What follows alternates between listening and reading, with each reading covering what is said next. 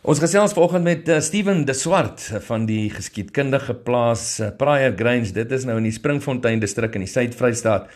Steven, sommer so met die intrapslag, uh, sommer net in kort, uh, vertel ons van die historiese plaas.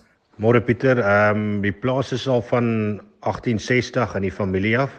Ehm um, ons bou met merino skape hierso en die cricketvelde is in 1998 gebou. Steven, so 'n groot opwinding volgende naweek. Dit is nou die 27ste en die 28ste Oktober.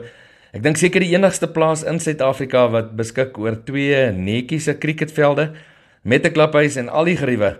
En dis weer sulke tyd. Vertel ons meer van die uh, unieke crickettoernooi wat op julle plaas gaan plaasvind in die Vrystaat en hoeveel spelers verwag julle? Pieter, die toernooi het begin um, in 2011 uh, met so uh ses spanne en hy oor die jare het hy gegroei. Ons verwag so 12 spanne hierdie jaar. Ehm um, so tussen 120 en 150 mense oor die naweek wat die naweek bywoon.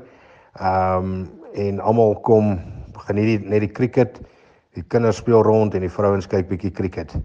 Steven kan belangstellendes dit kom bywoon en uh ek glo daar sal seker 'n groot skerm wees vir die Wêreldbeker rugby die aand ons wil hê die mense van die area moet kom of mense van Bloemfontein, Koelsberg enige plek kan kom kyk oor die naweek.